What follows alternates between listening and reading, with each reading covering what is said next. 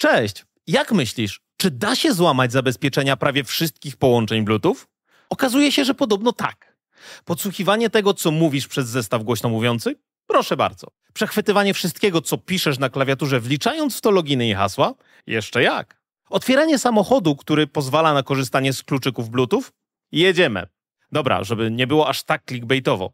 Na szczęście nie dotyczy to każdego jednego przypadku, ale o szczegółach za chwilę. Na grudniowym Chaos Computer Club zachwyciło mnie wystąpienie jednego z badaczy, Daniele Antonioliego z francuskiego Instytutu Eurecom. Pokazał on, że Bluetooth jako protokół jest zwyczajnie zepsuty w swoich założeniach i prawdopodobnie większości urządzeń, które mamy wokół siebie, nie da się i nigdy nie będzie się dało naprawić. Diabeł oczywiście tkwi w szczegółach, dlatego chodźmy wprost do piekła, no przynajmniej takiego bezpiecznikowego, na spotkanie z królem Heraldem Bluetoothem. Zapraszam.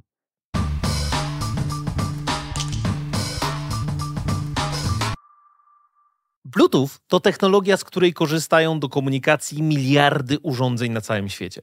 Od bezprzewodowych słuchawek, przez klawiatury, sensory wszystkiego, co tylko możliwe, po smart zegarki i samochody. Ale warto w tym miejscu dokonać ważnego rozróżnienia. Część urządzeń nie wymaga od połączenia bezprzewodowego wysokiej przepustowości w przesyle danych, za to zależy im na oszczędnościach w zużyciu energii. Mowa tu o zabawkach internetu rzeczy, fitness trackerach czy też różnych czujnikach. Dla nich właśnie powstał dodatkowy podstandard, czyli Bluetooth Low Energy, w skrócie BLE. I on nie będzie tematem dzisiejszego odcinka. Skupię się na klasycznym Bluetoothie, który jest z nami przecież od lat w coraz to nowszych wersjach. A ta bardzo długa kariera niesie za sobą pewne dodatkowe zagrożenia w imię kompatybilności wstecznej. No bo przecież skoro istnieje standard, to do zakupionego parę dni temu telefonu czy też laptopa powinniśmy móc podłączyć słuchawki bezprzewodowe sprzed ćwierć wieku. A wtedy zagrożenia i sposoby przeciwdziałania im były na zupełnie innym poziomie. Kiedy dodamy do tego fakt, że urządzeń korzystających z Bluetooth jest wokół ciebie w tej chwili co najmniej kilka, to złamanie jego zabezpieczeń ma potencjalnie ogromny wpływ na Twoje bezpieczeństwo. Tylko jak to zrobić? Daniele postanowił zająć się tym tematem nie pierwszy zresztą raz. Tym razem doszedł do wniosków, które opublikował w pracy pod tytułem BLAFS, który to akronim rozwija się w dość niestandardowy sposób. A więc do rzeczy. Kiedy parujemy ze sobą jakieś dwa urządzenia Bluetooth, dochodzi między nimi do wymiany kluczy i ustalenia wspólnego sekretu, aby prowadzona od tej pory komunikacja była szyfrowana. Klucze te, dla porządku, nazwijmy kluczami parowania, bo w całym procesie występuje ich więcej, dlatego warto ich nie pomylić. Parowania dokonuje się raz i te klucze nie ulegają zmianie przez cały czas, kiedy takie sparowanie jest aktywne. Czasem nawet latami. Zdarza się też, że w trakcie tego procesu wyskakują nam komunikaty, abyśmy potwierdzili, że widzimy na obu ekranach takie same cyfry. Może i jest to irytujące, ale ma pozwolić uniknąć sytuacji, której ktoś chciałby się pod jedno z tych urządzeń podszyć i w efekcie przeprowadzić na nas atak kategorii Man in the Middle i podsłuchiwać wszystko, co przesyłamy. Ale samo sparowanie nie wystarcza jeszcze, aby prowadzić z sukcesem dalszą komunikację. Do tego potrzebujemy jeszcze nawiązać sesję. I sesja taka, dla odmiany, jest ustalana tymczasowo. Za każdym razem, kiedy sparowane już urządzenia łączą się ze sobą ponownie, no bo nie zawsze są przecież w swoim zasięgu, ani nie są stale włączone. Na tym etapie dochodzi do ustalenia nowych kluczy i nowych sekretów na czas trwania takiej właśnie sesji. Nazwijmy je więc kluczami sesji. Ustalenie ich nie jest wcale takie trywialne, co po części jest wynikiem konieczności wspierania urządzeń korzystających z wielu generacji standardu. Urządzenia muszą na przykład porozumieć się co do tego, jakie zabezpieczenia i w jakich wersjach wspierają. Jedną z takich rzeczy jest Security Mode, czyli tryb bezpieczeństwa. Występuje on w dwóch wersjach. Nowszej Secure Connection oraz leciwej już nazwanej, no jak, Legacy Secure Connection.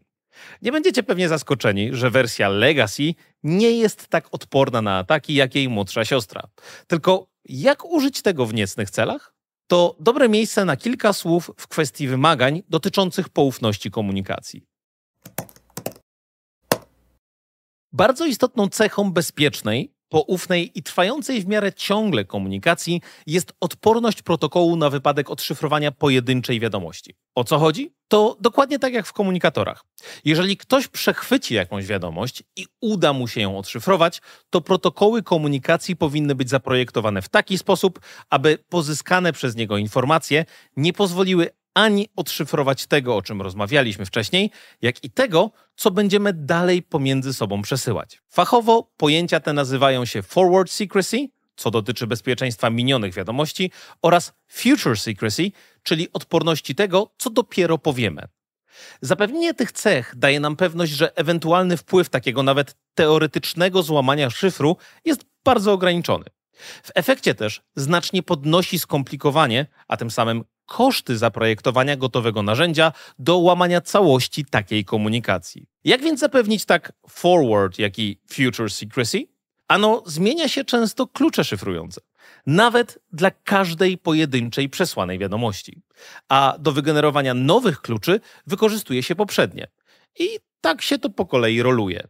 Jeżeli implementacja jest poprawna, to nie da się nawet posiadając aktualny klucz odtworzyć poprzedniego. Dlatego właśnie bezpieczne komunikatory mają taki problem z odtwarzaniem historii konwersacji, co postanowił ostatnio naprawić Facebook, o czym zrobiłem materiał. No ale dość tej autopromocji. Bo co z przyszłymi wiadomościami? Podobnie.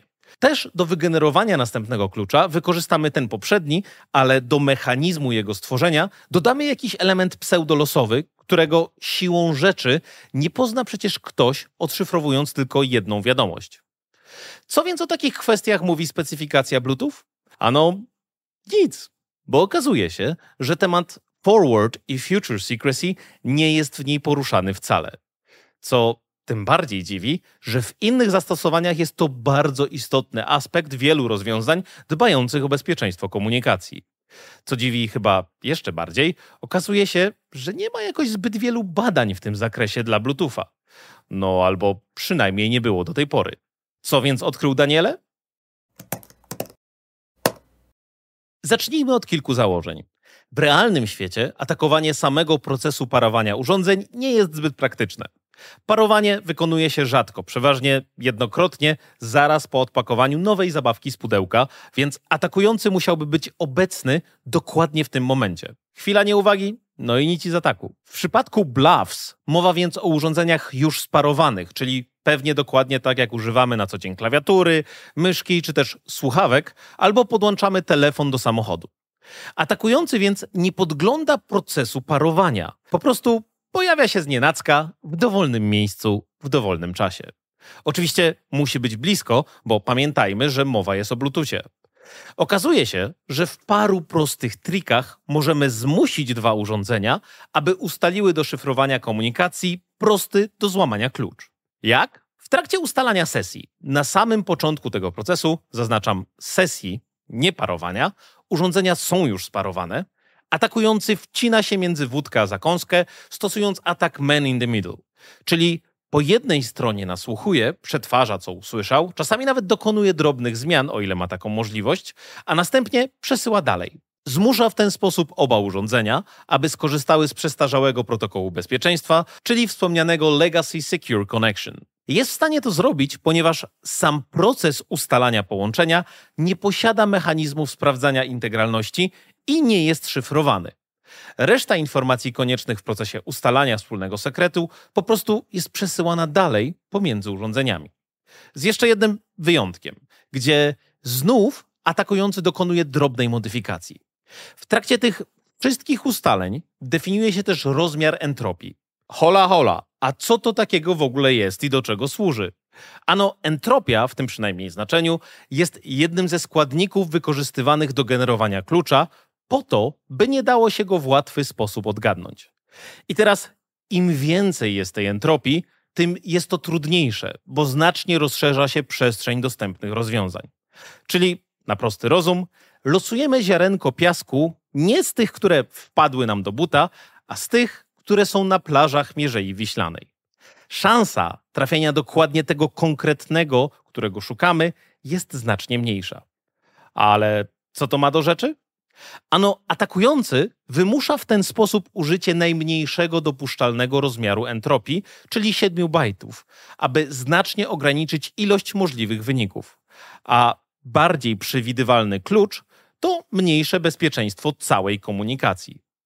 Następnie urządzenia kończą ustalanie wspólnego klucza sesji, przesyłając między sobą parę koniecznych informacji, które atakujący podgląda. Co ważne, nie pozna w ten sposób klucza parującego, czyli tego niezmiennego, ustalonego na samym początku, ani też wynikowego klucza sesji, który się na jego podstawie buduje. Więc teoretycznie nadal nie powinien być w stanie złamać szyfrowania komunikacji. Kiedy urządzenia zaczynają ze sobą rozmawiać, dla atakującego wygląda to jak bełkot, bo wszystko jest zaszyfrowane, a on nie ma przecież klucza odszyfrowującego. Jednak wymuszenie niskiej wartości entropii użytej do jego wygenerowania pozwala mu po prostu zastosować atak brute force, czyli sprawdzić wszystkie możliwe kombinacje po kolei. Jeżeli myślicie, że zajmuje to strasznie dużo czasu, to macie rację, ale połowicznie. Bo zajmuje dużo czasu, ale wcale nie strasznie. Klucz uzyskany w ten sposób bazuje na 56 bitach entropii, co wystarczało w latach 80. Obecnie za bezpieczne minimum uważa się 84 bity. Oznacza to, że da się go złamać wykorzystując dostępne dla każdego metody w ciągu kilku tygodni. No ale co mi po tym, że złamie treść jakiejś pojedynczej wiadomości po miesiącu? Zapytacie. No to, że korzystając ze specjalistycznego sprzętu, czas ten spada do dni, a może nawet godzin. I to już jest realne zagrożenie. Ba, w pewnych szczególnych warunkach udaje się nawet zmusić urządzenia do ustalenia entropii na poziomie jednego bajta, co zgodnie ze specyfikacją nie powinno być wcale możliwe. No ale wiadomo, jak każdy się jej trzyma. Wtedy liczba wszystkich możliwych do ustalenia kluczy to oszałamiające 256 kombinacji, które idzie na upartego rozpisać wszystkie w zeszycie. Tak dzieje się choćby w przypadku słuchawek Google Pixel Buds serii A, mimo że to wcale nie jest jakiś leciwy sprzęt. A propos, Google na zgłoszenie błędu odpowiedziało, że nie będzie go naprawiać. Cóż, dobrze mieć w kieszeni słuchawki, których mikrofon w teorii każdy może wykorzystać do podsłuchiwania nas w dowolnym momencie, a producent ma to całkowicie w nosie. Nie mamy pana płaszcza i tak dalej. Wróćmy jednak do szyfrowania. Skoro na podstawie tego złamanego przed chwilą klucza generowane są kolejne klucze do szyfrowania następnych wiadomości, to jesteśmy też w stanie odszyfrować wszystkie późniejsze wiadomości po kolei, bo posiadamy wszystkie potrzebne ku temu składniki. I nie, nie musimy mieć do tego bazowego klucza parującego urządzenia, bo jest on wykorzystywany tylko jednokrotnie na samym początku złamaliśmy właśnie całą komunikację następującą po pierwszej odszyfrowanej wiadomości. Ale to nie wszystko. Wszystkie zebrane wcześniej informacje możemy również wykorzystać, aby podać się za jedną ze stron tej komunikacji. Zmuszamy po prostu drugie z urządzeń, aby ustaliło do dalszego szyfrowania dokładnie taki sam klucz, jaki ustaliło już wcześniej bo mamy wszystkie konieczne do tego składniki. Dodajmy, klucz ten złamaliśmy już wcześniej. To jest bardzo zła praktyka, kiedy do ustalenia wspólnego sekretu wszystkie wymagane parametry dyktowane są przez jedno urządzenie, co w tym przypadku właśnie ma miejsce. No i nie powinno też w ogóle dać się skorzystać z dokładnie takiego samego sekretu, który był już kiedyś użyty. Aby tego uniknąć, przeważnie stosuje się jakiś element pseudolosowy w procesie generowania klucza, czego tutaj zabrakło.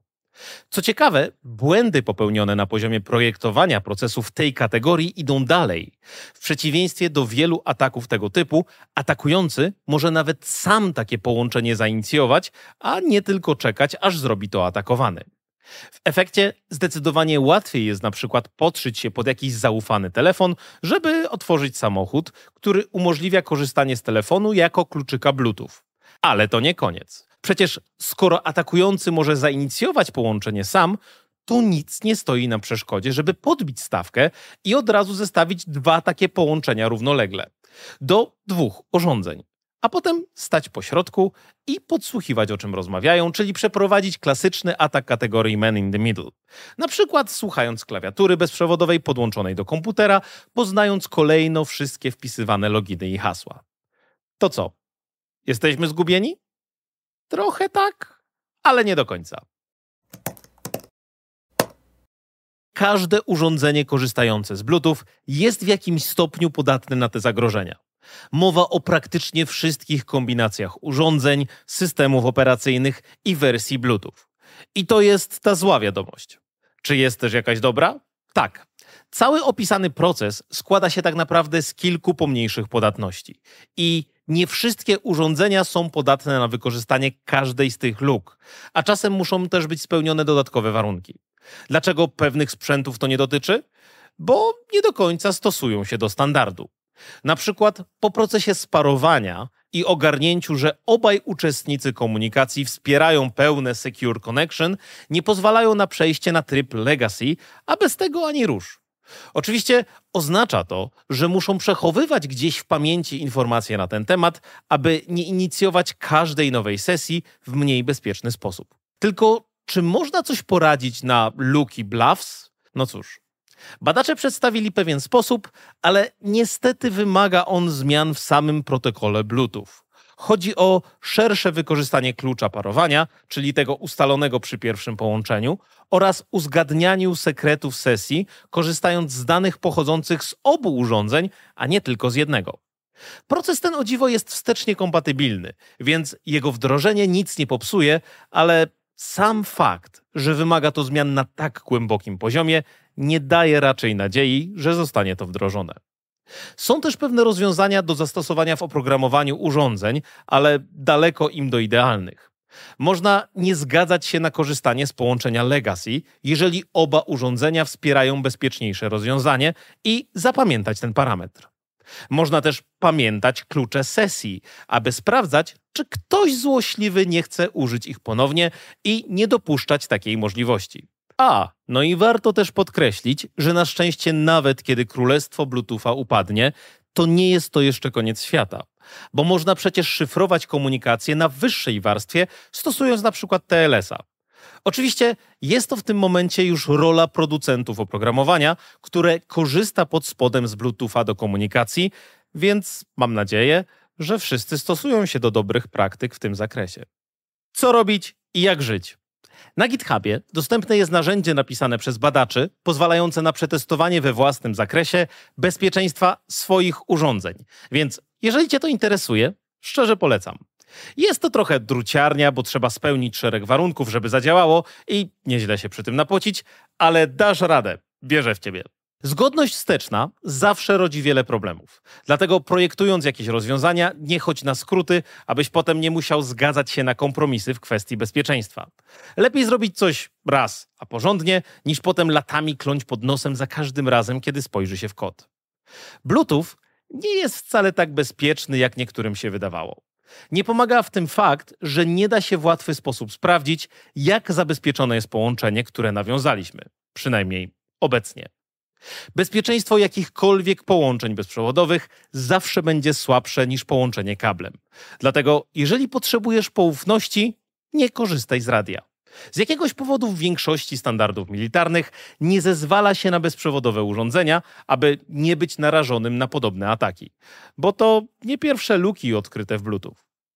Kryptografia to nie jest kaszka z mleczkiem. Jeżeli potrzebujesz bezpieczeństwa, korzystaj ze sprawdzonych standardów i nie próbuj wynajdywać koła na nowo. To praktycznie zawsze źle się kończy. Jeżeli potrzebujesz więcej wiedzy w tym zakresie, to mogę polecić pewną lekturę, ale wiedz, że tanio nie będzie. I to już wszystko na dziś. Tymczasem dziękuję za Waszą uwagę i do zobaczenia.